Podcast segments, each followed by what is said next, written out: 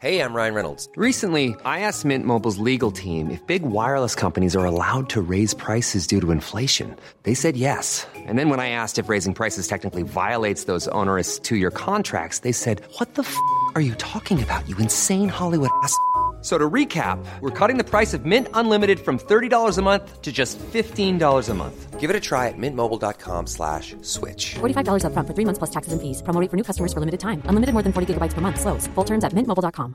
Quality sleep is essential. That's why the Sleep Number Smart Bed is designed for your ever evolving sleep needs. Need a bed that's firmer or softer on either side? Helps you sleep at a comfortable temperature? Sleep Number Smart Beds let you individualize your comfort so you sleep better together. JD Power ranks Sleep Number number 1 in customer satisfaction with mattresses purchased in-store. And now, save 50% on the Sleep Number limited edition Smart Bed for a limited time. For JD Power 2023 award information, visit jdpower.com/awards. Only at a Sleep Number store or sleepnumber.com.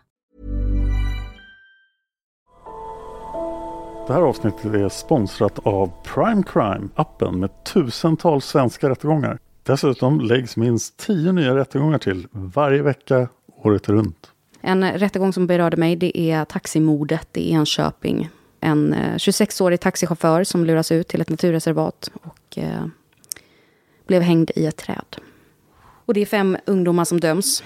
En 16-årig flicka och fyra unga bröder. En rättegång jag tyckte var väldigt fascinerande var föräldrar tvingade sin dotter att dricka ättika. Så otroligt galet. Prime Crime erbjuder även en tre dagars gratis provperiod. Och skulle du välja att bli prenumerant så erbjuder de antingen månadsbetalning för 99 kronor i månaden eller ett reducerat pris på två månader vid årsbetalning. Du kan avsluta när du vill. Tack Prime Crime. Tack så mycket Prime Crime.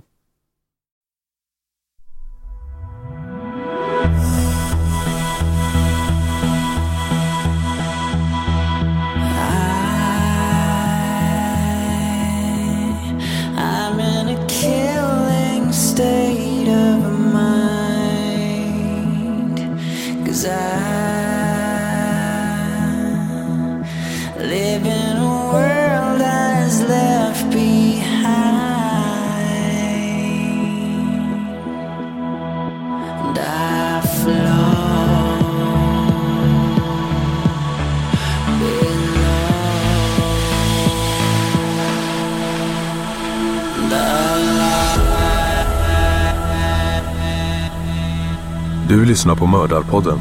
En podcast av Dan Hörning och Josefin Måhlén. Intro och bakgrundsmusik görs av Erik Segerstedt.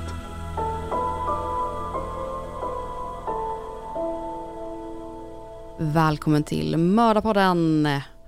Och här i studion vid min sida har vi Dan Hörning.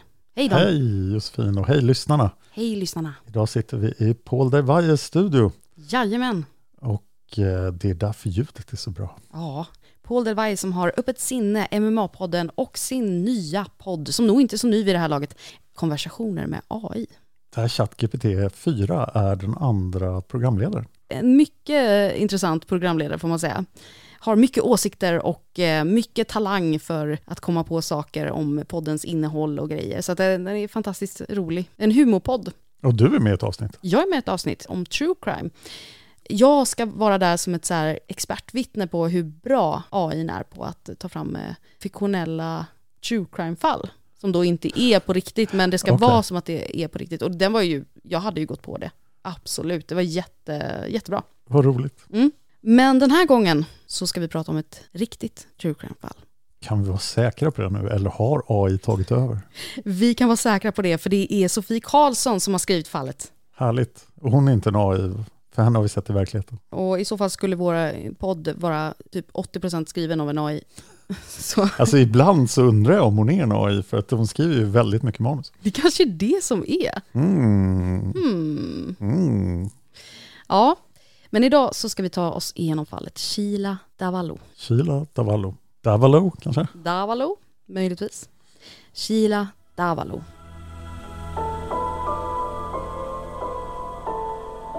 Dagens mordhistoria har koppling till Iran. När det här avsnittet skrivs så pågår ett uppror i Iran mot den auktoritära regeringen. Folket i Iran kämpar för mänskliga rättigheter. Den 16 september 2022 misshandlas 22-åriga Gina Amini till döds av sedlighetspolisen i Iran. Och många av er som lyssnar har säkert hört henne benämnas med namnet Masha Amini i media. Men hennes riktiga namn är Gina. Och Gina var kurd och hade inte ens rätten att bära sitt egna namn. Mordet på Gina Amini skapade stora protester i Iran och regeringen har mördat flera demonstranter. Regeringen har även stängt av internet i Iran för att folket inte ska kunna kommunicera med omvärlden. Och innan jag går in på dagens mordhistoria vill jag bara påminna om Adre Lords ord. I'm not free while any woman is unfree, even when her shackles are very different from my own.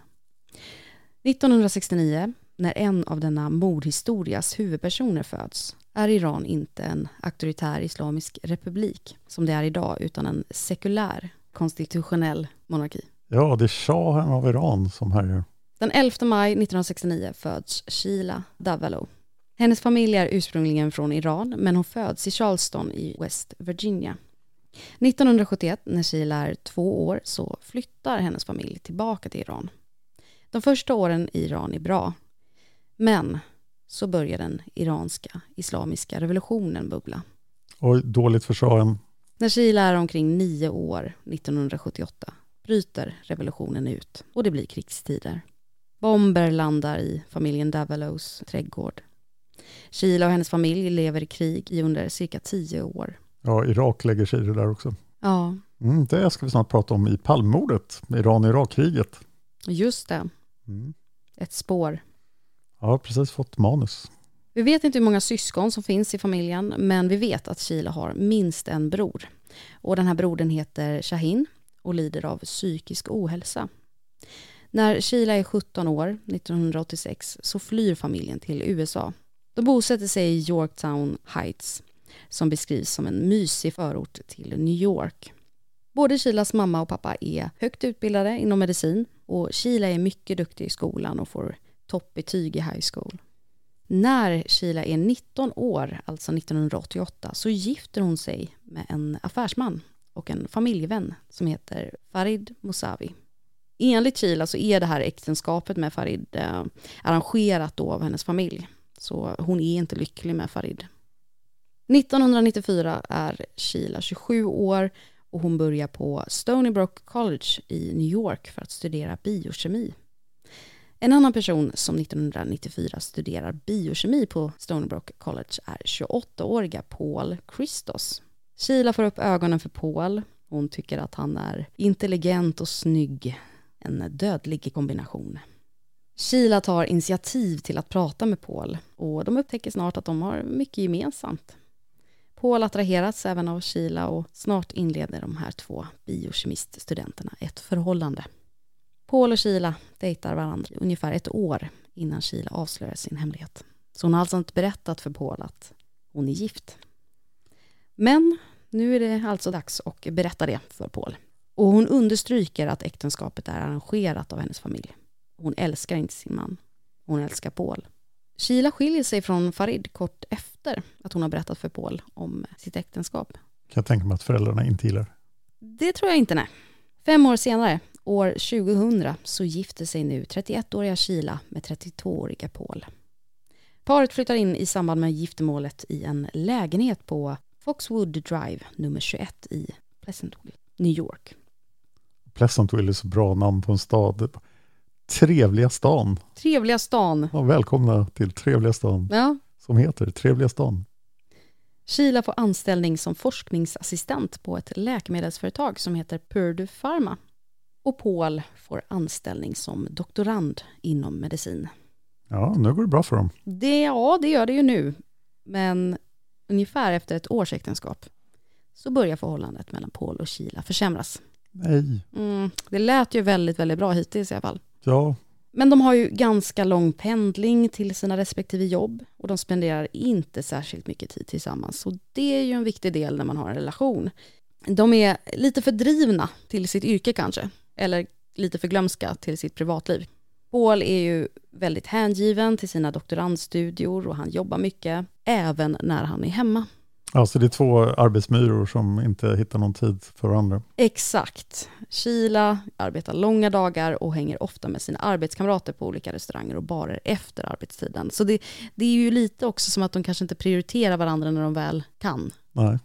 Under hösten 2001 säger Sheila till Paul att hennes bror Shahin kommer på besök. Paul har aldrig träffat Shahin.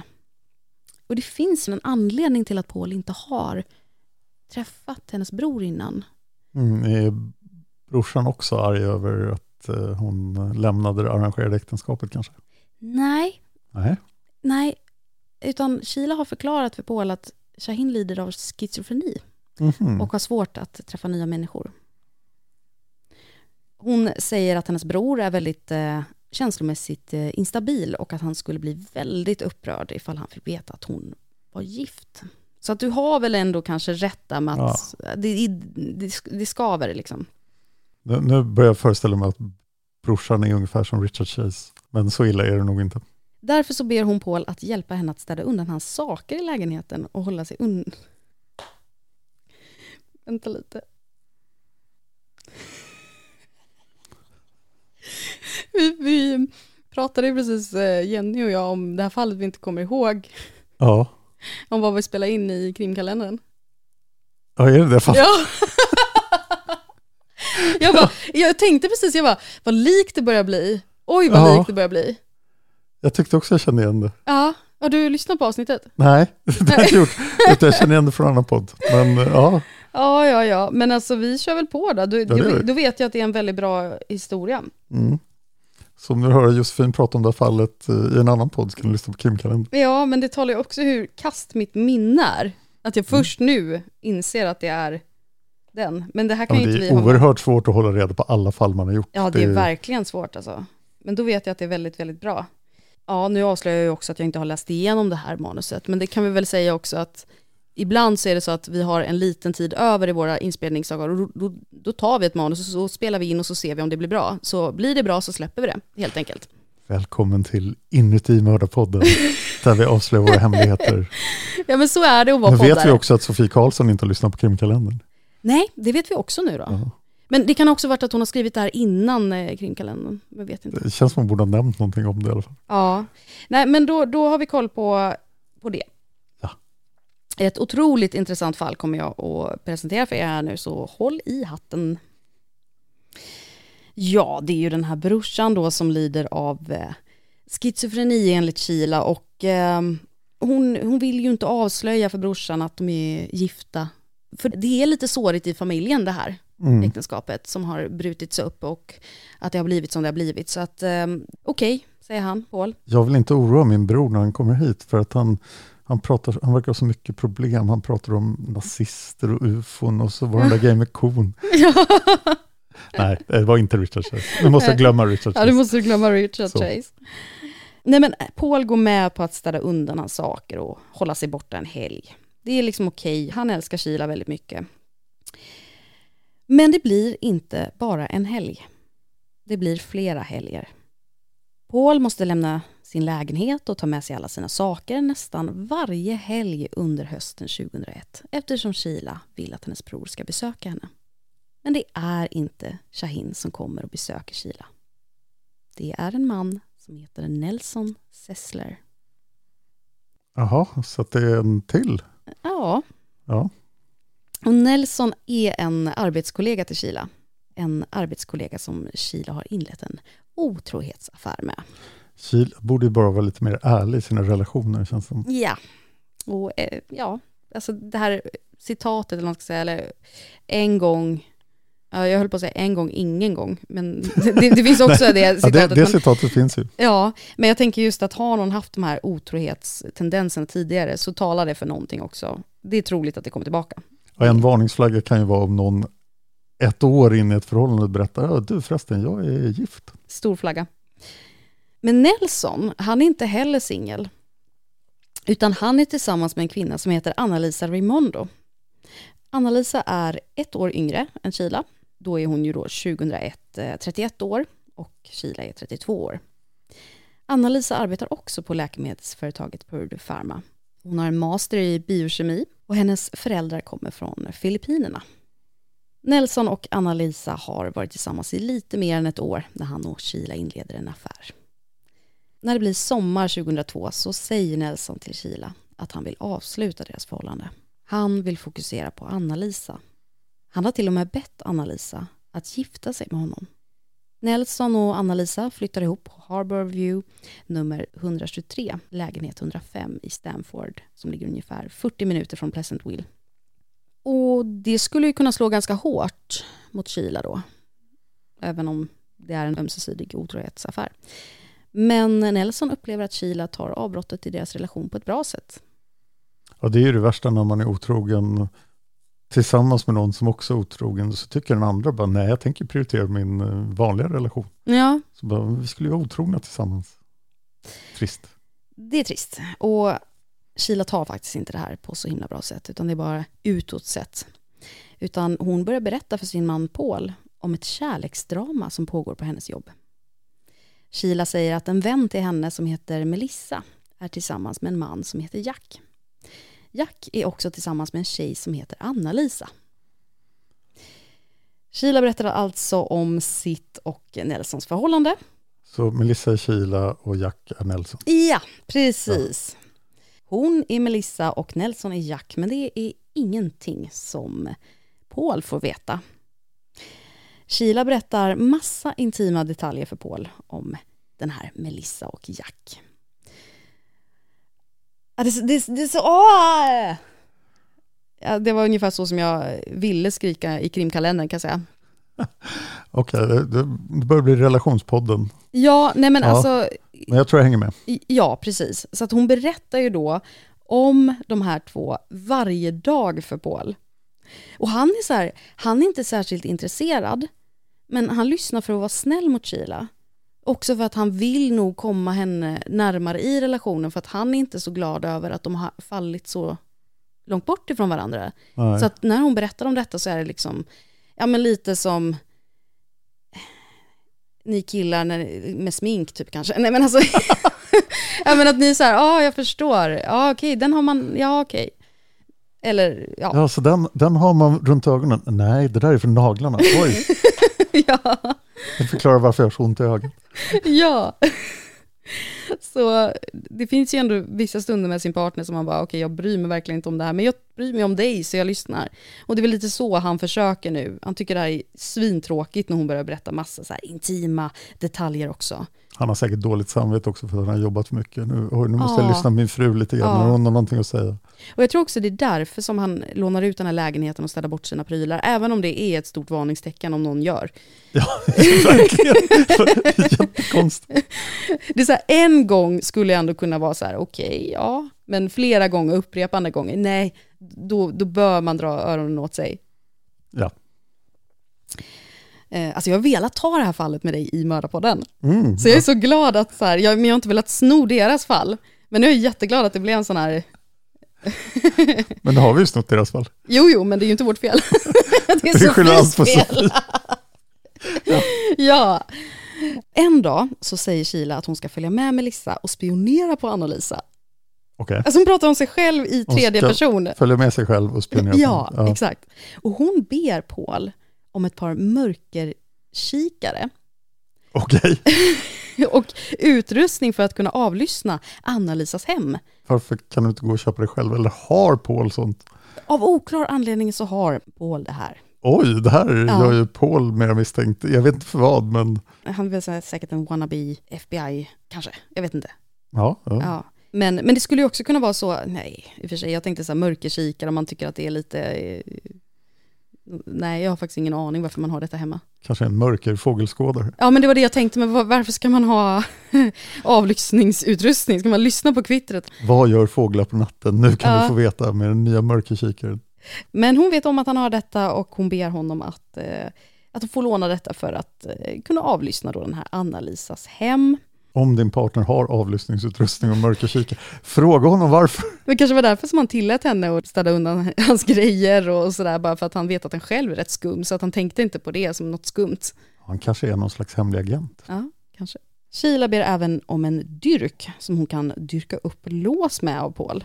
Det har hon också. Ja, det, Okej. det, det fixar Paul och han lär henne hur man använder den. Ja, men vad är det här? Ja, Paul bara, vill du ha en liten stridsspets också? Nej, det behöver jag inte just nu. Men, men Paul, han tycker att okej, nu börjar det bli väldigt konstigt.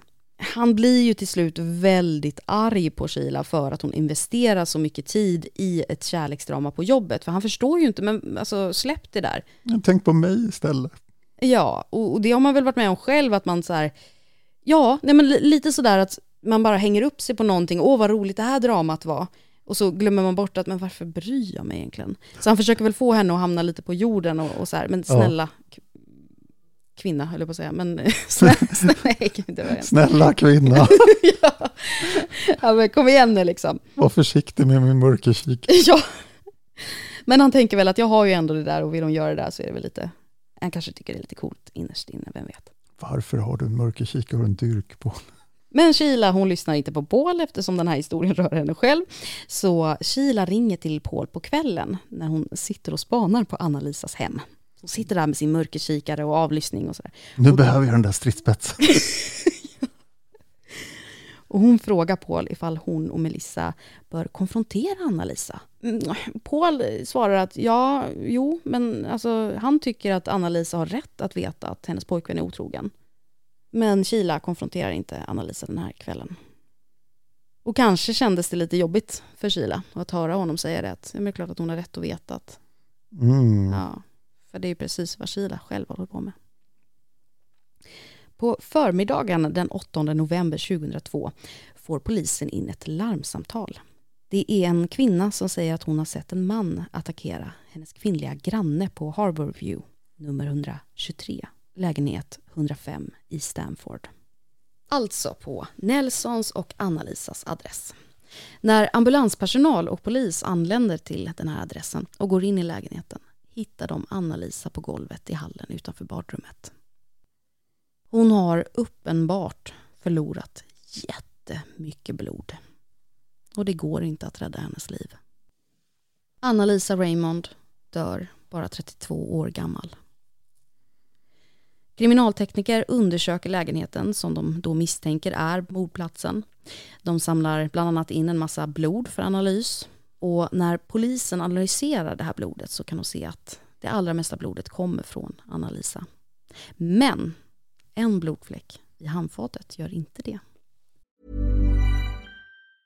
Hey, I'm Ryan Reynolds. Recently, I asked Mint Mobile's legal team if big wireless companies are allowed to raise prices due to inflation. They said yes. And then when I asked if raising prices technically violates those onerous two year contracts, they said, What the f are you talking about, you insane Hollywood ass?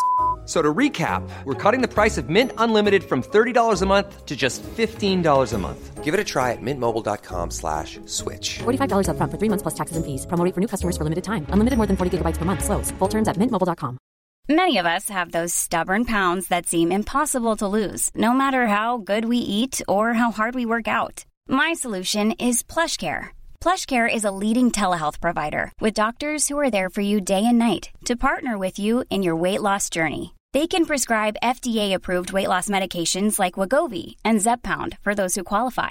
Plus, they accept most insurance plans. To get started, visit plushcare.com slash weight loss. That's plushcare.com slash weight loss. Cool fact a crocodile can't stick out its tongue. Also, you can get health insurance for a month or just under a year in some states. United Healthcare short term insurance plans, underwritten by Golden Rule Insurance Company, offer flexible, budget friendly coverage for you. Learn more at uh1.com. Rättsläkaren som undersöker Anna-Lisas kropp noterar massa huggsår i hennes kropp från vad som ser ut att komma från en kniv. Hon har även huggsår i ansiktet, i nacken, på halsen och i bröstet. Ett huggsår har punkterat hennes lunga och rättsläkaren bedömer att det är detta knivhugg som har dödat Anna-Lisa. Vem tror du att de riktar in sina misstankar på först? Ja, men det är massivt knivvåld. Tyder på att man känner offret. Och den vanligaste misstänkte är förstås partnern. Ja. Så Nelson verkar jättemisstänkt. Nelson blir deras mest misstänkta gärningsman. När polisen berättar för Nelson att Anna-Lisa är död så reagerar han inte nämnvärt, utan han säger ungefär jaha. Typiskt. Nelson har ett sår i sin hand under polisens första förhör med honom. Och hans förklaring till detta är att han har skurit sig på glas på jobbet. Han ger också olika historier om hur hans och Anna-Lisas morgon var den 8 november. Eller historien är ungefär densamma genom förhöret, men små detaljer förändras. Som till exempel var i lägenheten Nelson och Anna-Lisa hade haft sex under morgonen. Polisen tycker att eh, de här små detaljerna eller små förändringarna är väldigt märkliga. Och nu verkar han ju onekligen ganska misstänkt. Speciellt hans reaktion, men det vet vi också hur man kan bli chockad efteråt. Men också detaljminnena. Men samtidigt vet man ju inte heller, för de kanske har sex varje morgon.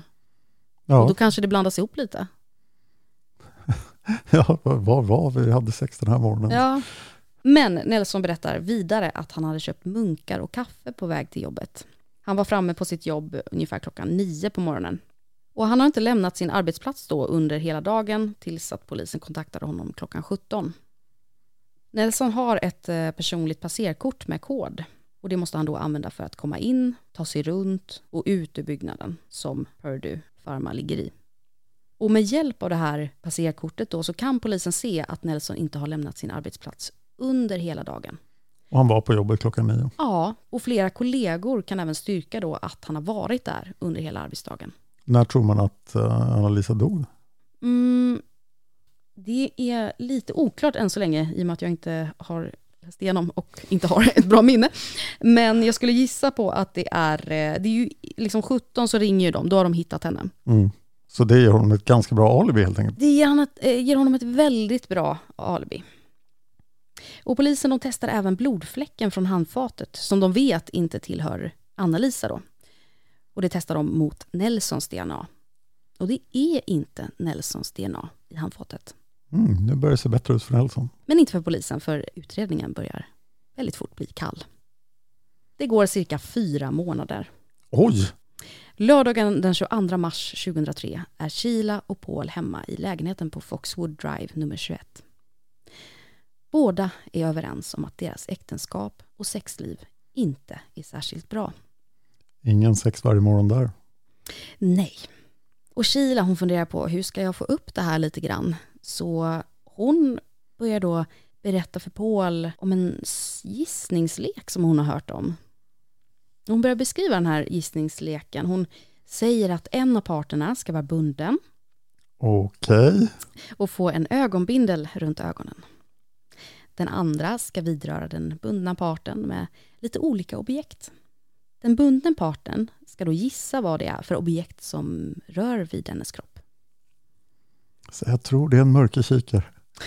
Jag tror det är en dyrk. Jag tror det är en stridsspets. Nej men alltså den här leken ska ju då vara ett sätt att krydda till sexlivet. Mhm. Och Paul han tycker ju att det här är jättebra. Han, han blir glad att Sheila tar initiativ. Så dagen därpå, söndagen den 23 mars 2003, så frågar Sheila ifall Paul vill leka gissningsleken med henne och det vill Paul. Så först sätter Paul fast Sheila i en stol med fluffiga handklovar och täcker hennes ögon med en ögonbindel. Paul rör Sheila med lite olika objekt och Sheila får gissa vilka objekten är.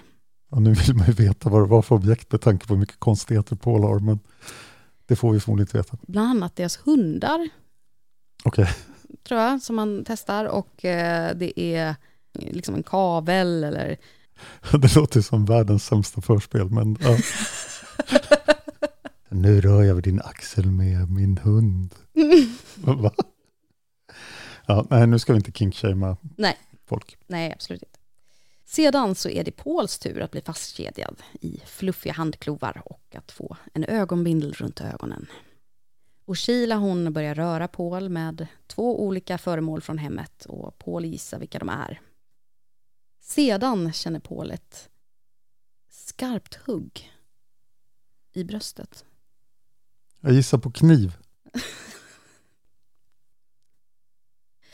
Paul skriker rakt ut av smärtan.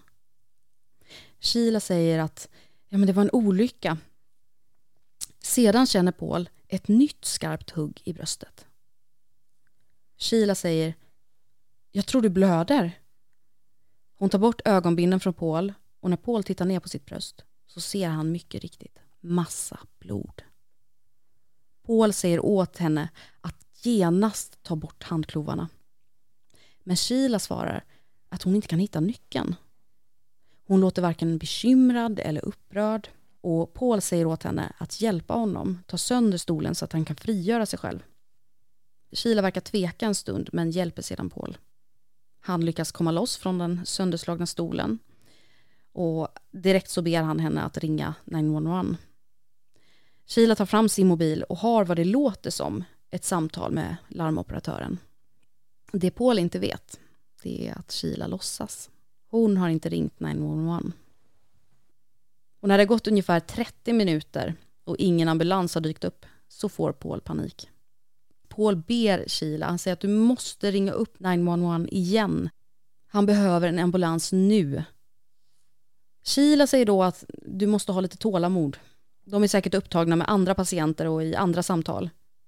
Istället så går Sheila in i ett annat rum och ringer Nelson Sessler. Sheila frågar ifall Nelson vill komma över på middag lite senare den kvällen. Okej. Nelson tackar ja till middagsinbjudan och under tiden så är ju Paul kvar där ute och har förlorat mycket blod. Paul är jätterädd att förlora medvetandet. Vid den här tidpunkten så förstår han nog att någonting är väldigt kusligt fel med Sheila. Så till slut så ber han Sheila att skjutsa honom till akuten. Och då, då suckar Sheila och svarar okej. Okej, för den här gången. Hon hjälper då ut eh, Paul till deras bil och lägger honom i baksätet. Sedan så kör hon mot det närmsta sjukhuset, BHC. Men hon kör inte raka vägen. Och hon kör inte heller mot eh, akutmottagningens ingång. Utan hon kör en omväg och parkerar sedan vid en avlägsen byggnad på sjukhusets område. Okej, så hon har kört till rätt sjukhus men inte till akuten. Ja, Och parkerat jättekonstigt.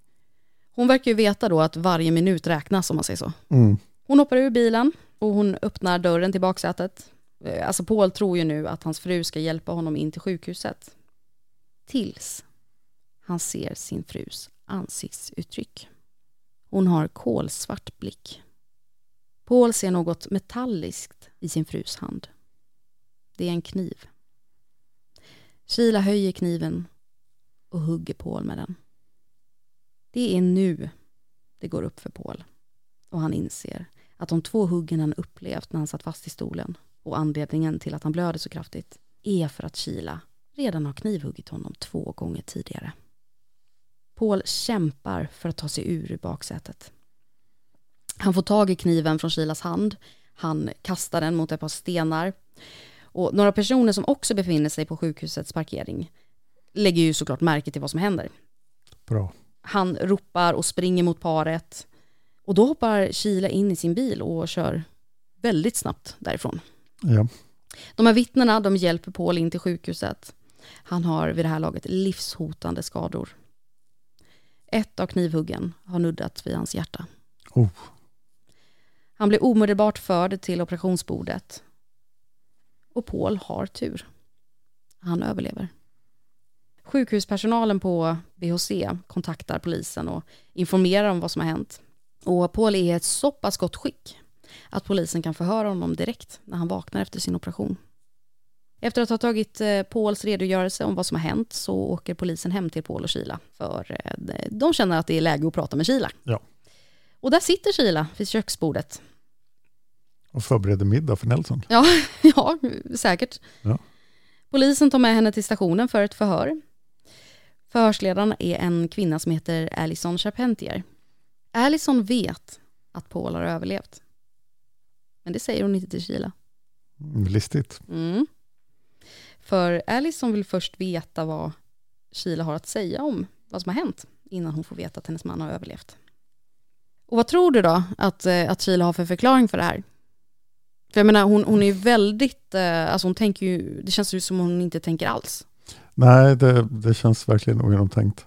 Och eh, hur ska man förklara det där? Min man eh, spände fast sig själv i en stol och, hoppade på en kniv. Men också det här att hon gör det så öppet inför folk. Ja, det tredje knivhugget. Ja. Ja. Ja, ja det, det låter inte så genomtänkt. Nej, det låter svårförklarligt. Men Sheila säger att när hon kom hem från jobbet så hittade hon Paul på golvet. Hon såg omedelbart att Paul var väldigt svårt skadad. Hon säger att Pauls skjorta var blodig och att när hon drog upp den så såg hon två skador på hans bröst. Hon säger att hon är ja, men ganska osäker, men att det nog inte var så mycket blod på Paul, utan bara omkring hans kropp. Sheila säger att det var ytliga sår. Och Allison påpekar att det är ju konstigt ifall det är mycket blod omkring Paul, men bara ytliga sår i hans kropp. Men det håller inte Sheila med om. Allison frågar varför hon lämnade Paul blödandes på sjukhusparkeringen. Sheila svarar då att hon tyckte att det var viktigt att åka hem och hämta kläder till Paul. Då säger Allison det som Sheila inte vet. Att Paul lever. Och att han har berättat exakt vad som har hänt. Då brister det för Sheila. Hon börjar gråta. Och hon säger att alltså det är så pinsamt eftersom att de har lekt en sexlek som har gått snett. Jag försökte bara rädda vårt förhållande. Enligt Sheila har Paul vetat att Sheila skulle trycka in en kniv i honom lite lätt. Bara lite lätt. Bara lite lätt. Men att hon snubblade och råkade trycka in den längre än vad som var meningen. Två gånger. Oops. Ja, alltså, alltså den är, det skulle ju kunna vara lite så här, men just två gånger. Jag ska bara tränga in lite grann. Oops! Den har man ju kanske hört förut.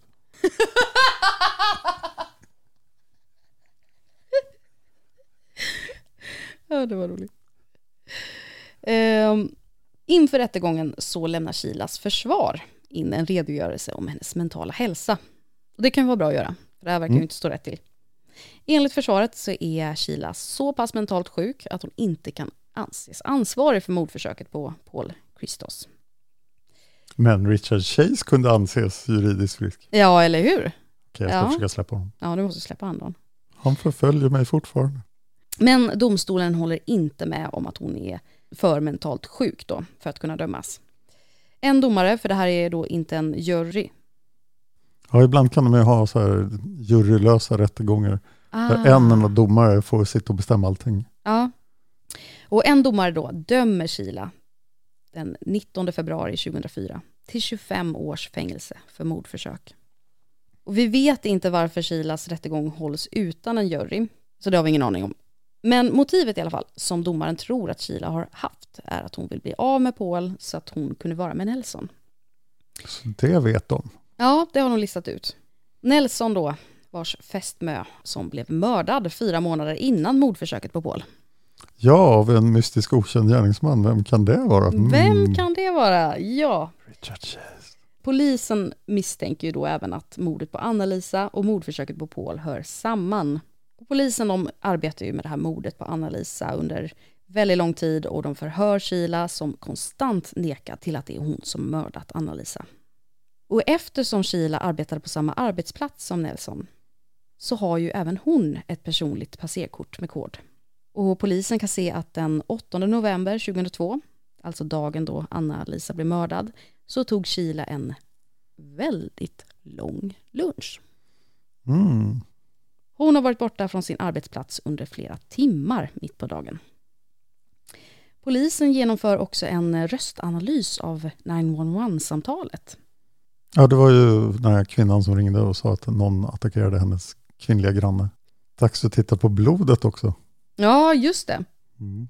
Och röstanalysen den visar att det är Sheila som har ringt samtalet från en telefonkiosk i närheten av Nelsons och eh, Anna-Lisas bostad.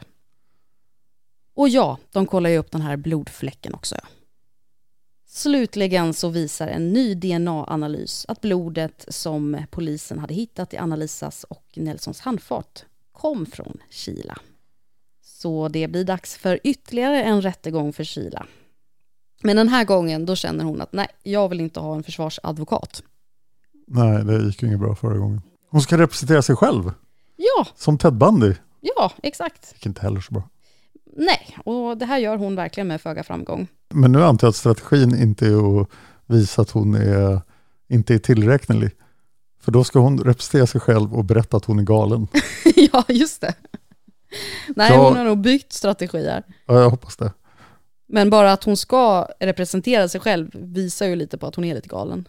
Ja, Den 27 april 2012, alltså nästan tio år efter mordet, så döms Sheila till 50 års fängelse för att ha mördat Anna-Lisa Raymond. Polisen har ju då kollat även på Nelson och hans potentiella inblandning, men de har faktiskt inte kunnat hitta tillräckligt med bevis för att åtala honom och förmodligen så hade han ingenting med saken att göra. Även om det här var lite underligt att han, han var inte så berörd efter. Nej, man kan ju verkligen fråga sig för att om, om poliserna gjorde rätt då, när de konstaterade att det inte var han, så måste de fråga Nelson, så här, finns det någon annan som kan ha haft motiv att mörda Annalise? Och då kanske han borde ha nämnt sitt, sin otrohetsaffär. Ja, Men det verkar han inte ha gjort. nej, där har du ju faktiskt Mm. rätt. Det, Så att han känns ju väldigt suspekt där. Ja, det är faktiskt sant ja. Det, jag tänkte inte ens på det. Och, men kände Nelson till att Paul existerade? Eller fick han aldrig reda på det? Eftersom han såg aldrig Pauls grejer i lägenheten. Så han Nej, kanske inte ens visste om det. Nej. Men han visste ju om att han var otrogen med Sheila så att han borde ju ha nämnt henne för polisen. Det gick ju fyra månader emellan det här. Mm. Så Jag tycker Nelson verkar lite skum här. ja, jag, jag tycker också det. Amatördomare, men vi har något på spåren då. Hey, it's Paige DeSorbo from Giggly Squad. High quality fashion without the price tag. Say hello to Quince. I'm snagging high-end essentials like cozy cashmere sweaters, sleek leather jackets, fine jewelry, and so much more. With Quince being 50 to 80% less than similar brands. And they partner with factories that prioritize safe, ethical, and responsible manufacturing. I love that. Luxury quality within reach. Go to quince.com slash style to get free shipping and 365 day returns on your next order. quince.com slash style. När det här avsnittet eh, skrevs så är Sheila 53 år gammal. När var hon född? Eh... Hon är född 69. Var hon det? Ja, har hon hunnit fylla 54? Jo, den 11 maj 1964. Så då, när det här avsnittet publiceras är Sheila 54. Just det, exakt. Hon är 54 år nu då. Och eh, hon kan inte ansöka om att bli frigiven förrän år 2079. Oj, Och om hon lever då, då är hon 110 år. då kommer hon nog ha svårt att anpassa sig till liv i frihet. Man säger ju att vi bara blir äldre och äldre, så att kanske, Ja, då lär hon ha hunnit ångra sig och är förmodligen en bättre människa. Det vet jag inte. Alltså det här är ju så himla, vi måste ju diskutera lite här, för att jag tycker det är så himla sjukt det här med Sheila. Alltså att hon är... Det är så jobbigt också, man vet inte om hon har varit det från början. Alltså hon hade ju klarat sig så mycket bättre om hon bara hade varit lite ärlig. Ja, Men det kanske inte hade hjälpt i fallet Nelson då, för han hade väl gått tillbaka till Annelise i alla fall. Men eh, det här löste ju verkligen ingenting. Hon kom ju undan med det första mordet. Konstigt nog. man hade ju så gärna önskat att Anna-Lisa överlevde. Ja, Eh, såklart man hade ju önskat att det här aldrig hände, men om man eh, då får ändra historien lite så eh, det är ju väldigt skönt att Paul överlever. ja vilken... Hur ska han kunna lita på någon i en relation igen? Ja, just det. Han kommer säkert att avlyssna alla sina framtida partners och titta på dem med mörkerkikare. Se att de inte gör något konstigt. Han har ju utrustning för det i alla fall. Ja, han har grejerna. Ja. Det är bara att göra det, Paul. Men det, Hela attacken på Paul verkar ju otroligt ogenomtänkt. ja. Fram till gissningsleken så, ja visst, men hur ska du komma undan med det och hur ska du göra med kroppen och så, men det verkar du inte alls ha tänkt på. Sen är det här klassiska mord i nära relationer problemet. Det hade kunnat lösas med att bara separera. Ja, Ja, hon hade bara sagt Paul, jag älskar inte dig längre, jag är slut. Och så flyttar de isär. Och så Ja. är han borta. Det, varför var han tvungen att dö? ja, men det måste ju ha någonting med någon arvsgrej. De var ju ändå... Ja, det kanske har Ja, det, det måste ju vara något sånt. Men, men det är ju i andra fall också, man bara tänker så men herregud, varför separerar du inte? Eller folk som är otrogna överlag, varför separerar ni inte bara? Ja, om du känner att du inte tycker om din partner längre, gör slut. Ja, Döda inte partnern. Mördarpodden står bakom dessa ord.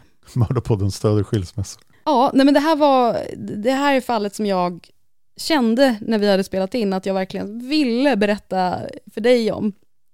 Eh, men så kände jag ju då att det kan jag ju inte göra för att vi har precis spelat in det. Sen var ju dubbelspoilern att jag också har hört det. Ja, ju- just det. Ja, Visste du allting eller? Ja. Va? Ja. Men vad fan vad tråkigt, vad tur att jag inte visste det då för att jag... Ja. Jaha, okej. Åh gud vad spoilers. Jag kommer inte ihåg var jag har hört det någonstans, men jag har hört det. Men det är säkert krimkalendrarna. Det kan vara. Ja. ja, men hade ni lyssnare hört detta då? Hör av er. Skriv till oss på Instagram, Mordapodden. Och om ni vill säga några rader till Dan, eller om ni åtminstone vill följa honom, så sök på Dan Hörning på Instagram och sök på j.molen på Instagram så hittar ni mig. Man kan även hitta mig på Twitter. Och du kan även mejla Mördarpodden på simwaypodcast.gmail.com, simway med z. Den mejladressen gäller för alla poddar jag är inblandad i. Du kan till och med skriva till manusförfattaren om du vill. Så skickar Eva vidare det. Och vill du göra hela vår dag så gå in på patreon.com, sök på Mördarpodden och ge oss en valfri summa per avsnitt. Släpper vi inga avsnitt så dras det inga pengar och på Patreon så finns det extra material och kommer att finnas mer extra material i framtiden. Oh ja. Vi ses ja. i nästa avsnitt. Det gör vi.